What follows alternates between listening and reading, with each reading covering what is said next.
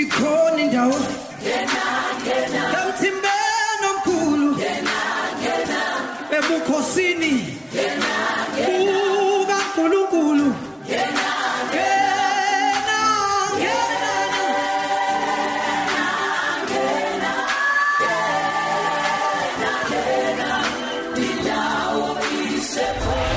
uNkulunkulu nomuntu omusha. Njengamanje ke ngifuna ukuthi sibheke kwingxoxo yethu namhlanje. Ngifisa ukuthi sibuke la uhlelo olusetshenziswa amabandla amaningi mangaba abantu abasha bezongena emshadweni, uhlelo lolu eh lokuboniswana. Iningi lethu liyaye likhulume ngalolu hlelo lu- lusho uh, konke sifuna ukulusho ukusho kodwa sibe singazi kahle ukuthi lusebenza kanjani, ubuhle nobubi balo eh buthini. Ingabe kulesi sikhathi samanje lusasebenza ngendlela elalisebenza ngayo yini kuqala ngawe ngithe asike silande abanye babantu abasha eh, abanalo ulwazi ngokuthi lolu hlelo lisebenza kanjani. Bakhonze emabandleni eh lolu hlelo lisetshenziswayo khona. So ke sizwe ke imbono yabo ukuthi bathini namhlanje. Nginaye la u Pastor Goodman Nkululeko ngubane we okungaphansi ke kwebandla i Apostolic Faith Mission khona lapha ya eh Peter Maritzburg eh pastor ngikubingelele ngikwamukele kuhlela uNkulunkulu nomuntu omusha. Angibingelele eh Bonisa siswami ngibingelela abalaleli bonke bokhozi FM. Mm.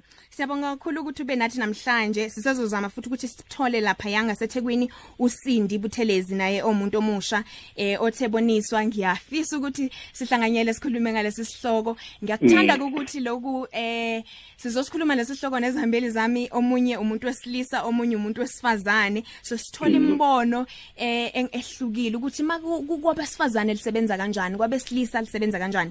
Ngifuna ukuthi ngiqhugquzele ke nawe umuntu omusha ngalapha ngasekhaya. Mangabe khona umbuzo onawo noma umbono nawo awuye lapha yake einkundleni zethu zokuxhumana @ukhozi_fm @ukhozi_fm @boniswa 94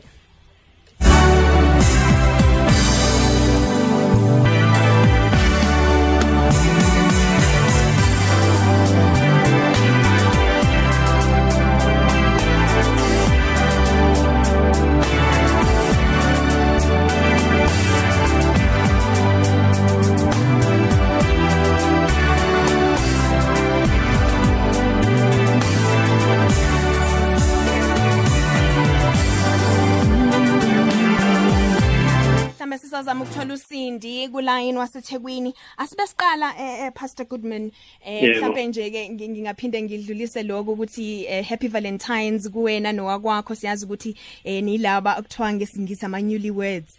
Hallelujah. UNkulunkulu emuhle nje eh siyabonga siyabonga ukuthi eh umndeni uyaqhubeka. Kodwa Eh. Pastor Goodman ma- masiqala nje eh, mhlawumbe usidwebele isithombe sokuthi lolu hlelo luza kanjani lusebenza kanjani okokuqala eh abese u- usinikeza mhlambe nalowo okungathi scriptural reference ukuthi mangaba sibuka iBhayibheli eh lusus- lususelwa kuphi lolu hlelo lokuthi abantu abasha bangena emshadweni ngoba kuthiwa bebo- babonisene Eh ngicela uqale ngibonge nje ithuba eh Boniswa eh ngibonge nakusithabile mazubane ngiyabonga kakhulu nabo bonke abantu abalalele. Yona le ndaba akuyona indaba elula. Eh ngimtshelile eh nabanye babangani bami kade ngibatshela ukuthi sobe sikhuluma ngalesihloko lesi. Eh isihloko lesi ke esike sadala inkinga kakhulu emabandleni eh, ngenxa yokuthi ke thina njengabantu abasha eh besikhathi samanje siyasidida yabona uma ukhuluma ngendaba yokuboniswa ngingathatha isikhathi ngathi ukubheka kwiBhayibheli ngathola indlela eh yemishado ethe kuba mningana mhlawumbe ngingakhotha nje eh ngicaphuna embalwa nje masibheka nje uAdam. uAdamu eh walala ubuthongo. Eh mayisevuka boom hawu nangu unkosikazi usethi le ithambo lamathambo ami. Eh inyama yenyama yami. Kwenye ke indaba sithola lapha kuGenesis la khona uAbraham ethumela inceke yakhe ukuthi ihambe eh iye ezweni la kubo kaAbraham eyomfunela unkosikazi. Akukho la sithola khona indaba yokuthi mhlawumbe ubonisiwe kodwa babe babe i- imshado babeyihlela ngendlela yokuthi kwakuhamba abazali umzali kubuyena uhambe uyothathela indodana umakoti. So mhlawumbe ke miningi ke eminye mhlawumbe engasithola ngithubu lokuthi ngiyibheke eBhayibhelini kodwa ngithe mase ngibheka eBhayibhelini ngangathola isesekelo mhlawumbe yokusekela indaba yokuboniswa.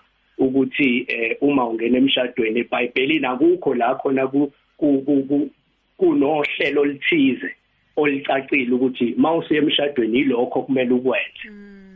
Ya ilokho mhlambe engisakutholile nje kade kuthiwa ngibheke eh, indaba yokuboniswa. Manje ngase ke ngakhona umfundisi kwabadala ukuthi ngimbuze ukuthi pho isuke laphi indaba yokuboniswa?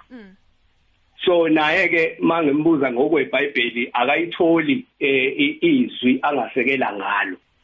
Kodwa ke shuthi kwaba eh imithetho yamabandla yayikhona eh eh, before. Uyabona? So yasiyangena kanjalo emabandleni ngoba kahle kahle iyadida. Thina siyakholwa nje ukuthi izwi kumahubo 37 uverse 4 lithi izwi lithokozise ngoJehova ikhona yakukunikwa eh ikhona yakukunika okufiswa inhliziyo yakho. Okusho ukuthi njengoba uNkulunkulu ewubaba uyakwazi ukuthi akunikeze lokho okufunayo ngaphandle ukuthi usazo sazolinda ukuthi uphuphe kuqala. Kodwa asisho ukuthi akwenzeki ukuthi umuntu abone umbono mhlawumbe elele ngoba nakhona indaba yokuboniswa sisafuna kahle kahle masithola umsuka wayo sikhazeleke ukuthi ukubonisa okunjani lokho usukulele bese uyaphupha mhlawumbe ngoba ngeke size sithi eh, uNkulunkulu ngomoya wakho ingcwele akakwazi ukubonisa mhlawumbe izinto. Kuyenzeka ukuthi akwazi ukubonisa umakoti kodwa into esiyaziyo ukuthi uma ngabe uboniswe ngomoya oyingcwele isikhathi esiningi umoya oyingcwele uye aqinisekise njengokuthi nje mangenza iexample ungibambe siswama ukuthi sengihamba kakhulu. Eh mangenza iexample nje eh ngendaba yokuboniswa mhlambe ngomoya oyingcwele ukubavumela kancane abathi bayaboniswa kukhona indaba eh lapha kwincwadi yezenzo umpostoli Paul kwincwadi yezenzo 20 eh uthi umoya oyingcwele eh uyakhuluma ke ukuthi la ngiyakhona ngizoboshwa eh futhi ngizohlupheka kunenhlupho eziningi kufakaza umoya oyingcwele. Ku chapter 20 uthi ku chapter 21 uthi ke lapho umpostoli Paul ese ezohamba eJerusalem kufika indoda ewumprofeti khona. Isithatha ibhande ibopha inyawo ibopha izandla ithi umnini waleli ibhande eh la eyakhona uzoboshwa kanje. So uPaul njengoba ekhona indlela amphendula ngayo lo umtshengisa ukuthi uyazi vele ukuthi kuzokwenzeka. So uma kukhona umuntu into umoya engcwele uhlelekile. Ma ukuthi umoya engcwele okwenze wabona into kumele kube neconfirmation akwazi ukuthi aqinisekise nasentombazeni angathuki okay. Ya ngifuna ukuthi ngikubambe lapho uh, Pastor Goodman samukele uSindi eh esimdonsa ngaseThekwini. Sindi uh, asikubingelele sikwamukele kuNkulunkulu umuntu omusha sesi Sanibona sisi ninjani Siyaphila kakhulu siyathokoza ukuthi sibe nawe namhlanje ohlelweni. Umuntu omusha ukhulele ebandleni Assemblies of God. Kodwa njengamanje ukhona lapha ya kubaba uMagagula e Grace Impact Church International. Sisikhuluma lana sisingendaba eyayikhulunywe abantu abaningi indaba yokuboniswana. Nabantu besifazane emabandleni asebenzisa lolu hlelo. Luyaye lihambe kanjani mase kuzofika kuwena? Uyakwazi nawe umuntu wesifazane ukuthi uboniswe eh noma manga ungacabanga nje izibonele khona lapho khona umuntu wesifazane akabonisa ukuthi nangu umyeni wami uNkulunkulu angikhethele yena. Okay ngiyabonga sisiboniswa ngibingelela abalaleli emakhaya ngibingelele nawo umphathi wohlelo ngibingelele nomfundisi ungubane Eh ngizocela umbuzo wakho ukuphendula kanjena ngake ngayihlala phansi ngisakhula think ngangiyi teenager ngambuza umkhulu ngoba usushilo ukuthi ngikhulele assembly. Assembly ke ibandla ngingathi ibandla lomthetho yabo? So ziningi izinto like linenqubo yalo yokwenza izinto and enye inqubo ile yokubonisa yabo? So uma ngichazela umkhulu mhlawumbe ngichaze le ndaba ngoba ushilo umfundisi ungubani ukuthi bengakazi kahle ukuthi kwenzeka kanjani. Wathi umkhulu legama lokuboniswa asilisebenzisi ngendlela. Angithi uNkulunkulu masumamkelile uJesu abe inkosi nomsindisi empilo yakho. uNkulunkulu bobaba wakho yabo? Kuthi ke wesilisa uma seebona intombazane wabona ukuthi uyayithanda. Owesilisa uyahamba eyokhuleka kuNkulunkulu ekukhulekeni kwakhe usuke sethi inkosi ngicela sibonisane la. Okokuqala ngabe lo ntombazane wakaphelezi engithi inhliziyo yami mengimbuka ngibone ngimthanda engaba yini unkosikazi wami? Number 2 phinda umboniseke uNkulunkulu ukuthi mina sengikulungele yini? Ngakho konke ukuthi ngingaganwa sibonisana kanjalo ke noNkulunkulu. Ikona ukuboniswa lokho. uNkulunkulu uzokutshela mhlambe athi ayi le ntombazane ikhule ekhayeni eli-right impilo yakhe yakumoya i-right so ungayithatha. Kodwa wena ke eh goodman awukakalungeli Mhm. ukuthi uphathe unkosikazi. Yes. Mm. ngoba inkosi ngoba mhlambe khona la okusahleka khona eh ku spiritual life yakho ngoba mhlambe ngakwenza Mm. imali okakami kahle. Hamba uyolungisa kuqala unilibele libonisana kanjalo noNkulunkulu. Mase usubona ukuthi uNkulunkulu esekutshela ukuthi sengifit manje ukuthi ngingagani khanize uya kumfundisi wakho umazisi ukuthi baba bese engabonisana noNkulunkulu. Uhambo lami lokuboniswa labanje nanguthi ngiphelezi ngiyamthanda. Ngixoxele umfundisi wakho ukuthi ngizizwa kanje baba kwenzeka ukuthi umfundisi wakho bese ekuhlanganisa nentombazane.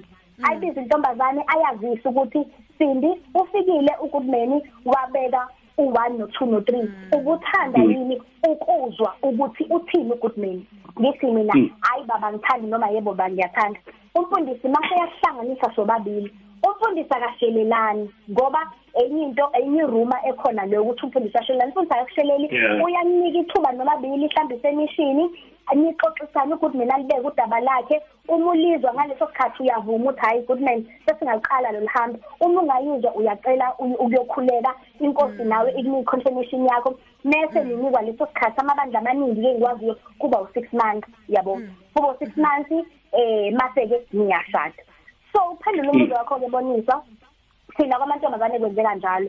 Sithola nje sesizwa ngocingo komfundisi noma mekuphuma ibandla ufundisa ukuqhubela eceleni athi sindi nginodaba engicela ukukhuluma nawe. Awufike emishini mhlawumbe ngolesithathu muthi afike emishini hawu nkosi yami seniboniwe yabo. Hayi ngoba ngibonwe ngiphuphile. Ngoba mengase kuthiwa nginakho khona ongiphuphayo mina mhlawumbe ngingaba nenkinga. Kodwa ngoba sengiya-understanda ngakuchazela ukuthi yini ukubonisa. Oh nkosi yami Yeah. ukuthi mina kwahlala phansi nonkulunkulu babonisana ngami. Iyahlonipheka leyo nto iya-understandeka leyo. Okay sifike emishini umfundisi-ke angazise ngithi hayi baba ngingathanda ukumbona and then lusuka lu- lu- luqhubeka kanjalo ukuhamba sengiya emshadweni uma nivumelene Mm.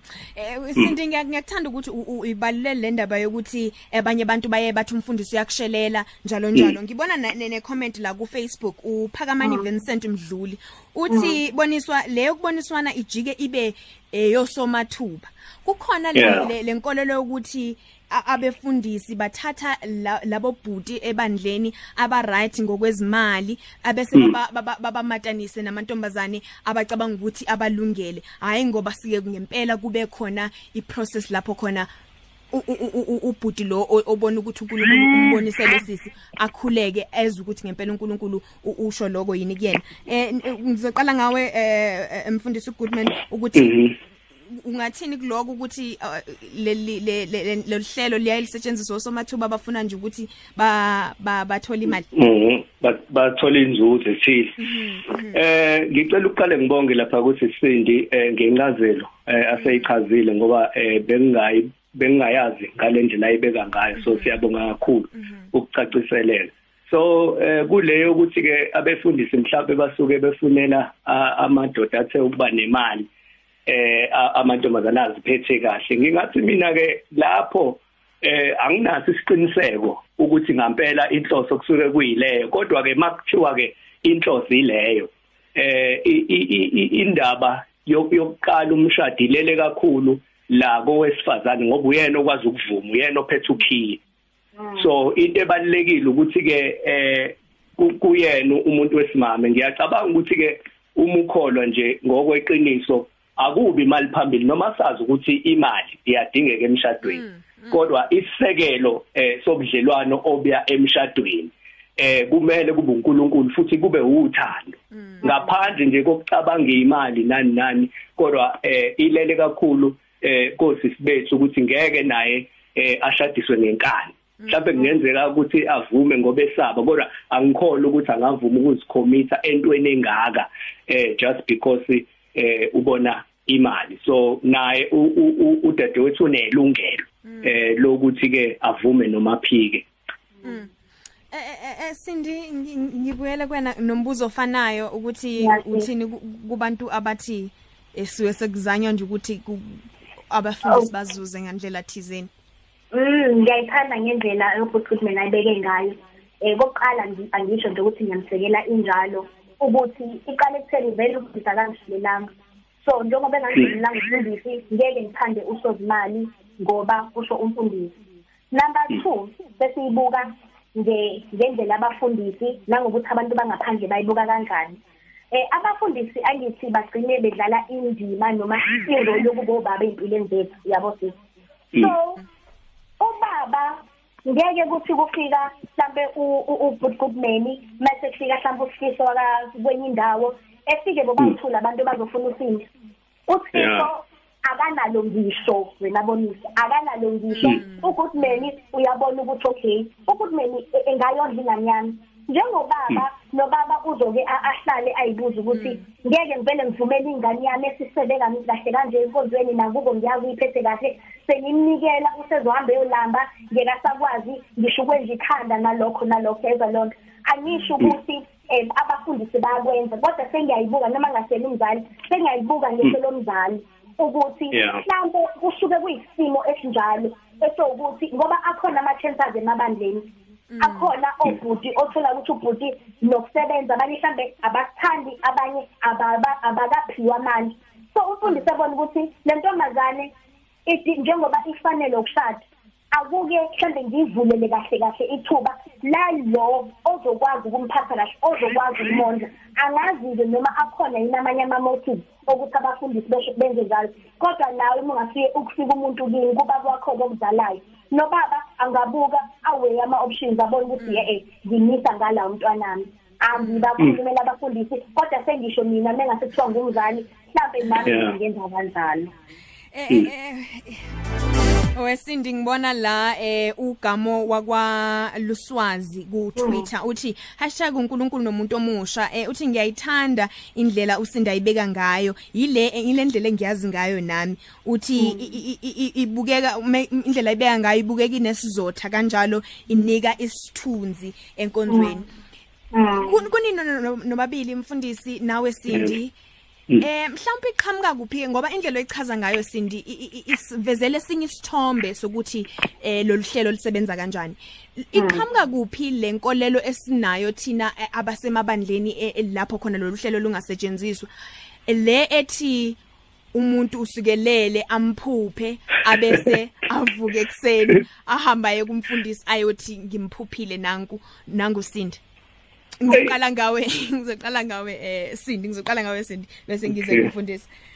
Oh, nkosami ngabe ngabe ngibala ngawe Ang- angiyazi leyo nkolelo iqhamukaphi kodwa ngize ngifike nami la ngimbuza khona umkhulu ngoba nganginaleyo understanding kodwa ke ngengisho ukuthi imfundiso per se ngizothi isenko isemabandleni ethu esingafundiswa khona izinto ezibalekile ngoba ikhona sifika sikhule noma sisindise singene emabandleni kodwa sifike kuna kune kunifani inqubo noma indlela ibandle lenza ngazo izinto kodwa singachazelwa ukuthi kwenziwelani kwenziwa kanjani. Mase-ke thina njengabantu siba nama-assumptions ethu ukuthi yingoba noma siyitolikele ngendlela yethu uyabo so i think ingakho saze sacabanga ukuthi umuntu uyamphupha yabo?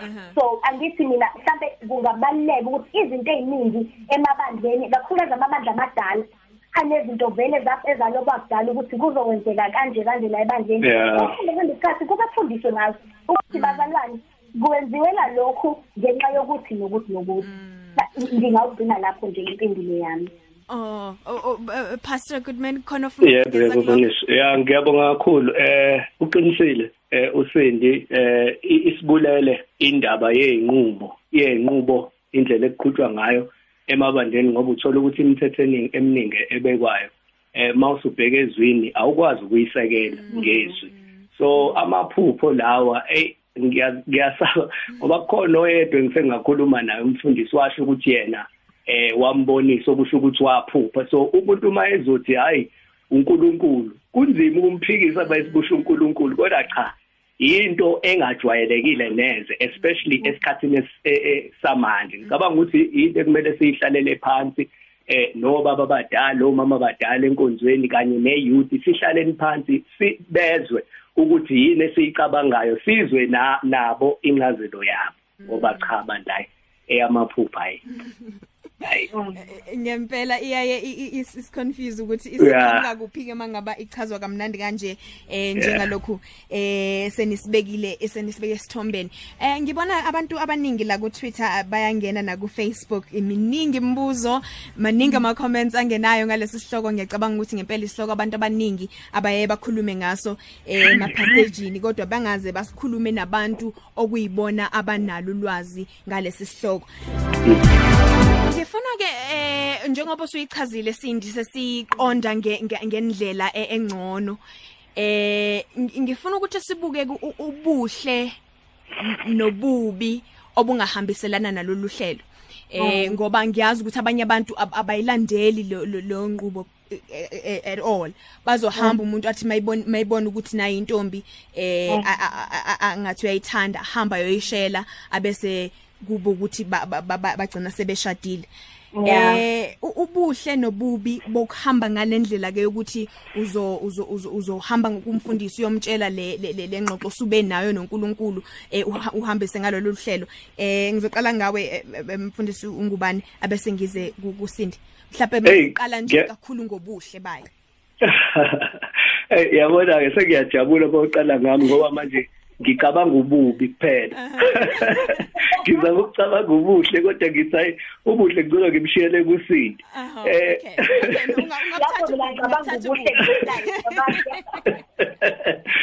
Shuthi ububi bayo ke le ndaba eh yamaboniso ngalendlela abantu abayithatha ngayo ngiyayibona ngendlela usinda ichaze ngayo ububi bayo kungawukuthi mhlawumbe kungenzeka umuntu athi ubonisiwe kanti ubona mhlawumbe indlela yokuma kasisi mhlambe outside aphe ubuhle bangaphandle. Noma ubona ukuthi usisi unemoto usebenza kahle unemali eh angenele athi ubonisiwe just because ufuna lezo zinto. So kulula mayengena kumfundisi athi ubonisiwe athi uNkulunkulu oshilo. Uma siyichaza ngalendlela yamanzi ukuthi ubonisiwe so angangenela izathu engesizo. Lokhu kubona phi na? Ukubona uma ngabe eh lo othe ubonisiwe bashade. And ngokuhamba kwesikhathi uphele umsebenzi mhlawumbe kuthisi iphele konke kuhambe konke lokho izinto eziphathekayo bese kuyashintsha uthando. Most sometimes abanye ngampela kuze kungene nama divorce ngoba usuke engene ngendlela engekho right. So yilokho bube ngikubonayo. Kukhona okunye engingakusho kodwa funa ngicela ukuthi ngibalule lokho nje. Mm. eh, eh ngaphambi ukuthi uze usitshele ubuhle esindi sibonge mfundisi ngubani. Ngibona la eh kukhona ubhuti wami osengithumelela umyalezo wathi useboniswa wena ke Sindi njengoba ukhuluma namhlanje. Eh ubhuti wami umthulisi Dlamini. yeah yeah Ngiboneke inkosi yami. Ngishayele nje straight. Uyakusaba. Sindi awusilandise sisi eh ngobuhle balolu hlelo eh kuzokwenza ukuthi abantu abasha bafuna ukuthi balisebenzise mangaba bengena emshadweni. Okay, sisi ngiyabonga. Ngiyabonga ukuthi eh ufundisi wami uvele wayiphathe yobubi ngoba as much as ngingekho pro ukuboniswa nangenqubo yebandla kodwa buningi buningi kakhulu ubuhle engibaziyo ubuhle nje bokuqala ukuthi eh i avoid thina ke eh ngathi njengoba thina sesiphila isingisi kakhulu. Uthola ukuthi usisi nje njengosindo semzali sena 29 usenama heartbreaks amaningi yabo? Ngobani ufune ukuzenzela izinto ngendlela yakhe ukuyiphathela impilo ngendlela yakhe. Kanti la ebandleni njengoba bebeke lemgomo nemibandela ekumele siyilandele ukuthi awujoli uyalinda kuze kufike umuntu ethi ufuna ukukushada uyabo? Basuke number 1 be preventa lokho number 2 leyo kuboniswa nalenqubo amabandla ethayibekile it guarantees angithi 90% guarantees ukuthi uzophuma umshado kule relationship yalabantu abawu2 ngobani? Akafika umuntu athi ufuna ukwazi umuntu ufuna ubona unkosikazi ufuna ukukushada yabo? Number 3 eh into eyinkinga kakhulu mengicabanga ukuthi mina umsungela wayo noma iorigin yakho kwawukuthi ivimbe ukuthi abantu abawu2 bengakashadi benze izinto zabantu abashadile yabo? So yona lendlela ivimbani ivimba lokho ukuthi labantu ngoba sebesithe bayathandana. So ukuthandana kwabo bazogcina vele sebebonana bobathu avele siyiphuthume lento ukuthi abakwenza after 6 months sebeshadile asangene thina njengebandla yabo? Eh ilokho mostly mina ngingathi iprotector ivangeli lendlela lendlela amabandla ethayibekile iprotector kakhulu nalo wesifazane more than owesilisa. Ngobani? Sifuna basuke befuna ukwenza sure ukuthi number 1 ingane yabo yentombazane izophatheka kahle ishade umuntu okholwayo angeke futhi ishade umuntu ozodlala ngayo. Ngobani? Uqale emfundisa ngibona ukuthi khona umuntu esilisa ophilile okhulile ekhanda ongathi sedlule kumfundisi ajike futhi azodlala ngami. Engakwenza phela lokho mhlawumbe mase sishadile kodwa kule ndlela nje sisaye emshadweni sitsheliwe ukuthi kungazi sizoba kuhle ukuthi ngithathe isikhathi esingaka angikaze ngikubone kwenzeka njengoba kude sebikile kufundisha ukuthi after umshado abantu bayashintsha. Bayashintsha ke bephakanyisiwe bebonisiwe bashintsha bengaboniswanga. That we cannot mm. guarantee. Kodwa ubuhle kwayo yilokho ukuthi iavoida mm. into eziningi ngalendlela amabandla ethu asibekele ukuthi singene ngayo emshadweni kanye nevangeli kanjalo. Iyalivikela. Mm.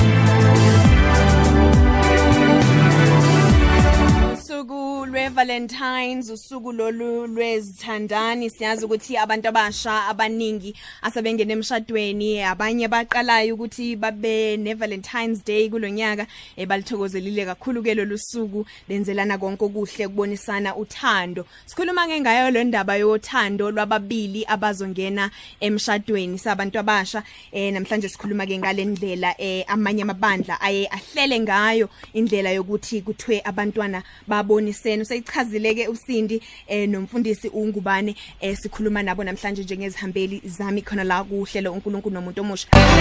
Nawo ngomthatha. Yebo umetho wakho.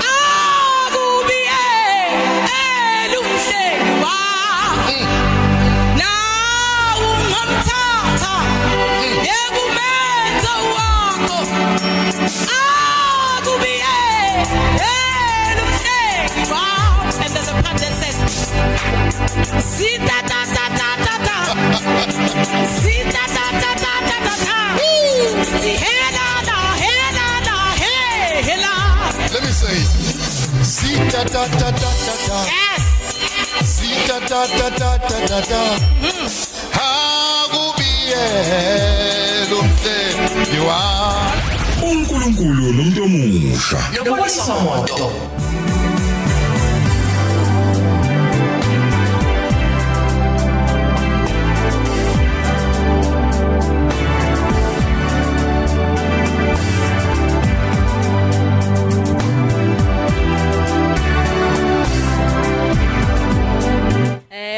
Baye bathi ke umzabalazo uyaqhubeka uloke nje ushintsha ubuso nobuso. Nathi ke siyacabanga ukuthi ums- um- umzabalazo wevangeli sabantu abasha uyaqhubeka uloke nje ushintsha ubuso. Njengoba manje nje usunobuso bethu sabantu abasha oboniswa moto opastor ngubane osindi buthelezi njengoba sikhuluma la kuhlelo uNkulunkulu nomuntu omusha. Uhlelo nomlando ke lolu eh omkhulu kakhulu la emsakazweni ukhozi FM sikhuluma ke namhlanje ngendaba eh yokuboniswana. Sengifuna ukuthi siyiphethe ke ingxoxo yethu manje. Eh ngizoqala ngawe mfundisi. Eh elakho nje lokuvala eh unokugqugquzela ukuthi mhlawumbe amabandla azama ukufundisa abantu abasha eh abakhulayo ebandleni ukuthi izinto zenziwa kanje nje nje ingobani? Eh kufundiswe kube khona lolo lwazi olusatshaleliswa kubantu abasha.